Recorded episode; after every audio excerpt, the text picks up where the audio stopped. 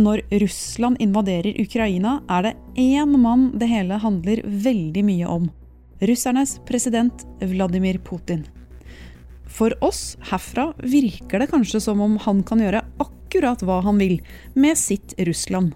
Så hvordan fikk egentlig Putin den posisjonen? Dette spørsmålet stilte vi her i Forklart høsten 2018. Nå er det samme spørsmålet høyaktuelt igjen. Og i tillegg lurer vi på kunne verden, eller i det minste de som følger ekstra godt med på Putin, sett tegn til hvor han var på vei? Du hører på Forklart fra Aftenposten. Jeg heter Marte Spurkeland. Det er mandag 28. februar.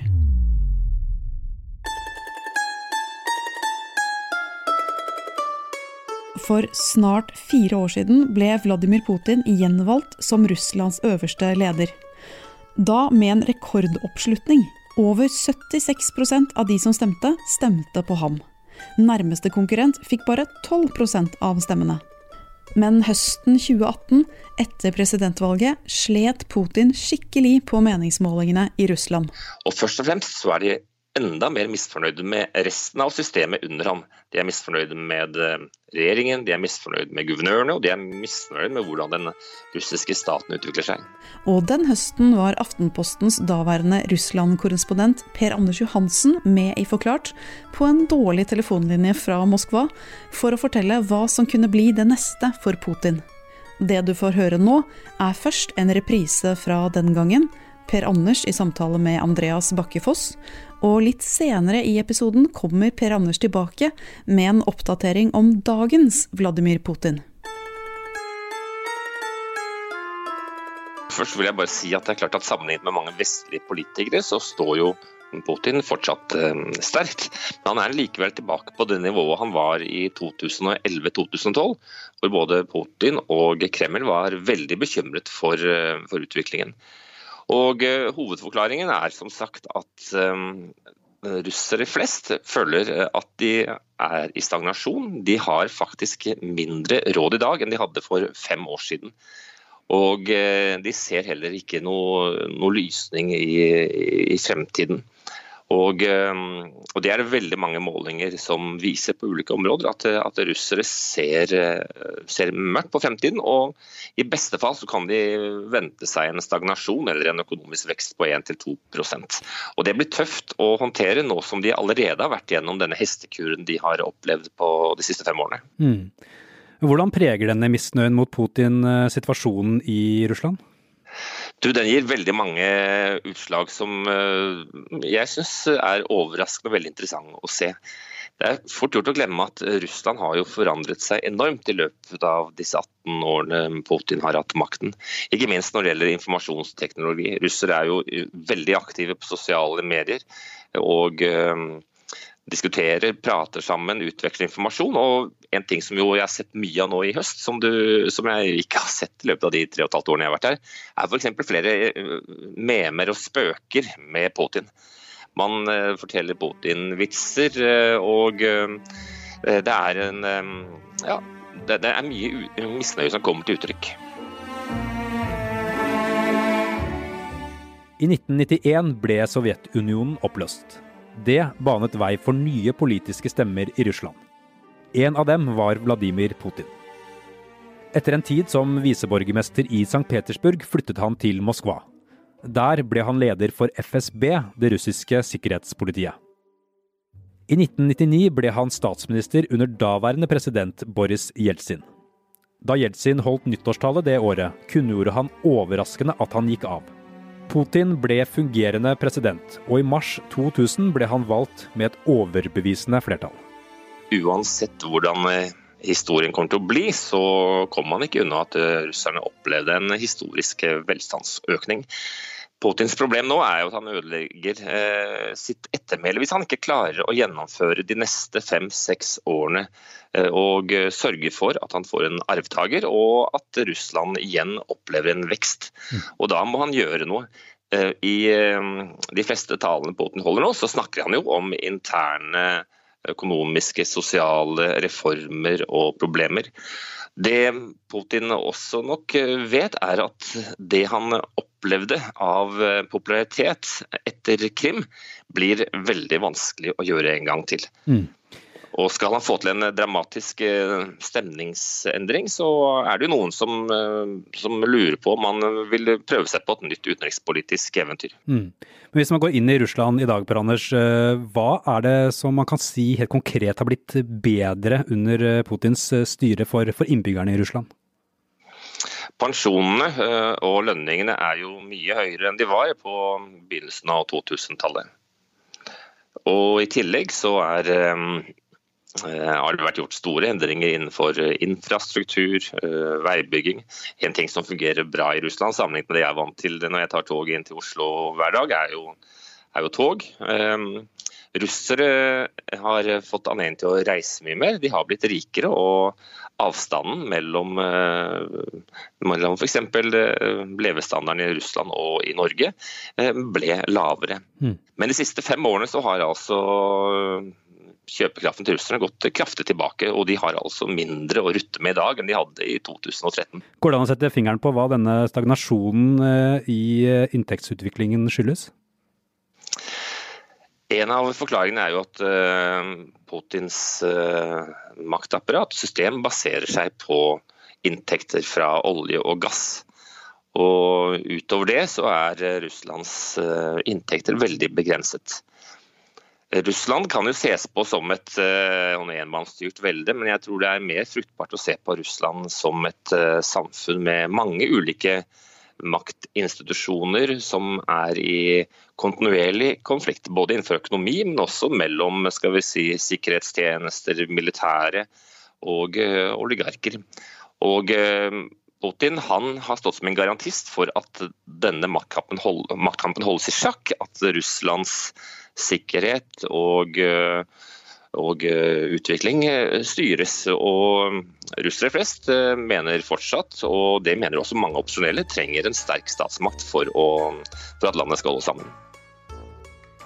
Russland er Norges største naboland, og Norge er det eneste nabolandet Russland aldri har vært i krig med over en periode på 1000 år. Men de siste årene har det kommet flere negative nyheter fra øst. Nye og farligere atomvåpen, hackingen av USAs valgkamp, annekteringen av Krim og krigen i Øst-Ukraina, for å nevne noe. På hjemmebane så fremstilles det som uh, at uh, Putin har gjenreist Russland som en stormakt som uh, verden må ta hensyn til. Dette er et bilde som eh, Moskva og Kreml eh, stadig vekk eh, prøver å finpusse. Mm. Og du kan si at Iallfall i Midtøsten og i krigen i Syria så har Russland for alvor kommet tilbake på, på agendaen og vært med på å sette dagsorden. Og mange vil vel si at uten Russlands inngrepen så ville kanskje borgerkrigen fortsatt i, i Syria. Men uh, samtidig så ser vi nå at uh, over ja, om lag halvparten av russerne er bekymret for at Russland er isolert. Mm. At de føler seg alene. Og her faller jo eh, propagandaen til Kreml litt på, for sitt eget grep. fordi at man minner jo stadig vekk russerne om at USA, Nato, Europa er ute etter å ville ta Russland og ødelegge Russland. Og det gir Russland russerne en følelse av å være, ja, være, isolert fra resten av verden. Mm. Og dette er ikke noe jeg tror russere flest ønsker. Eh, en av eh, drømmene for de fleste russere er jo å dra på ferie til Italia eller Hellas. Kjøpe vestlige produkter og høre på vestlig musikk. Putin har jo gjort det klart at han krever at Russland eh, blir behandlet som en stormakt på linje med, med USA. Eh, blir de det? Russland har jo først og fremst bare én ting som gjør landet til en stormakt, og det er atombomber som kan være med på å utslette hele verden. Rent økonomisk er Russland på størrelse med eh, Spania. og Militært så har jo, eller konvensjonelt så har jo også russerne en stor utfordring med å måle seg med Natos samlede styrker. Så jeg får jo av og til følelsen av at, um, at, Putin prøver å ta på seg klær som er uh, altfor store. Og uh, når han ikke får den respekten og oppmerksomheten han forventer fra Vesten og omverdenen, så blir han bitter og skuffet. Og det ligger en skuffelse i bånn for mye av det som eh, kommer ut fra Kreml, som jeg syns er litt skremmende og urovekkende. En følelse av at, eh, ja, at man har eh, vært utsatt for en urett. og for de som har sett hva som har skjedd i Ukraina og på Krim og i Syria, så er det selvfølgelig vanskelig å forstå. Dette var altså den Vladimir Putin som styrte Russland i 2018. Men er dagens Vladimir Putin den samme mannen?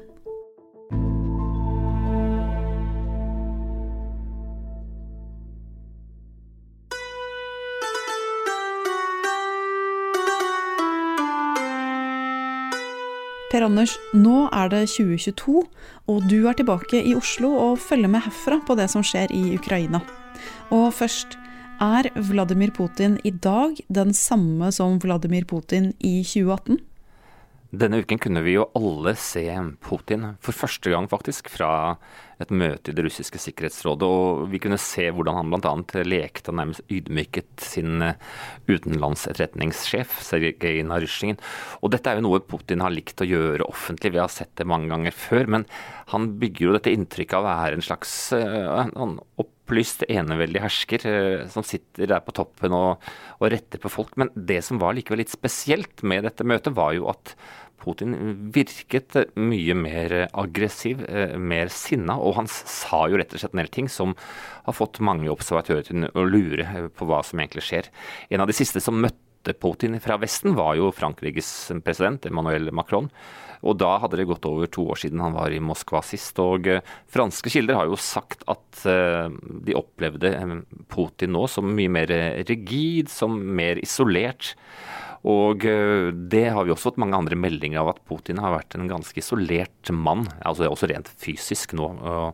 Men på andre siden, han sier jo det samme han har sagt hele tiden. Og vi som har fulgt uh, Putins uh, utvikling, vi har jo alle vært bekymret. Det som nå utspiller seg er et mareritt vi, vi fryktet. Men håpet til det lengste ikke skulle skje. Putin hadde jo en stor oppgave foran seg da han ble president igjen. Det var mye som måtte løses i løpet av presidentperioden hans. Hvordan har det gått med populariteten hans? Ja, Siden våren 2018 så har jo andelen russere som sier at de syns Putin gjør en god jobb, falt med ca. 10 prosentpoeng. Og den var på sitt laveste i våren i fjor, hvor den nesten var 20% under det nivået han tidligere lå på. Men ser vi nå de siste månedene, altså nå i februar, så har den altså steget igjen, nå samtidig som Putin har trappet opp til denne krigen. Og Det betyr jo at eh, Putin har en, han har en sterk posisjon i Russland fortsatt. Men eh, han vet også at det er et, eh, et mindretall som blir mer og mer urolig. Men når han har en sterk posisjon, betyr det at han kan gjøre nesten hva han vil i Russland? Putin kan gjøre veldig mye, for han har bygget opp et eh, meget brutalt og veldig sofistikert maktapparat som eh, sikrer at han beholder makten. Og dessuten har han jo sørget for at det er ingen som kan utfordre ham. Og han har heller ikke plukket ut noen, eh, noen kronprins som kan stå klar til å hoppe inn hvis han skulle falle fra. Jeg tror at han ikke kan gjøre hva som helst. og en av årsakene er jo at russere flest ikke ønsker en stor og blodig krig. De ønsker eh, korte og raske kriger, og så skal de ha en fest, slik de hadde det på Krim, og slik også krigen i Syria faktisk var. Men de fleste russerne er jo veldig urolige for det som de, som de ser nå, med egne øyne. Rubelen faller som en stein, prisene kan stige, og derfor tror jeg at økonomien blir veldig viktig for Putin fremover. og jeg tror ikke han eh, vil eh, tåle at krigen varer veldig lenge og blir så blodig som vi dessverre frykter at den kan bli. I episoden vår fra 2018 så snakker jo du om at Putin kan prøve seg på det du kalte et nytt utenrikspolitisk eventyr for å hente popularitet på hjemmebane. Er det det vi nå ser i Ukraina? Ja, Det som skjer i Ukraina nå, er i mine, mine, øyne absolutt gambling på et høyt nivå. For han tar en stor sjanse. Når du starter en krig, så er det ikke sikkert at du har utgangen klar. Dersom eh, Putin eh, vinner raskt og høster en gevinst, f.eks. at deler av Ukraina nå blir innlemmet i Russland, så vil det bygge opp det bildet han har jobbet for å forsterke nå i 20 år, nemlig at han gjør Russland stort igjen, at han retter opp de historiske feilene. Men blir dette en lang og blodig krig som går over i okkupasjon med mange menneskeliv som går tapt og store tap på russisk side, og for ikke snakke om en økonomisk katastrofe, så har Putin mye å tape.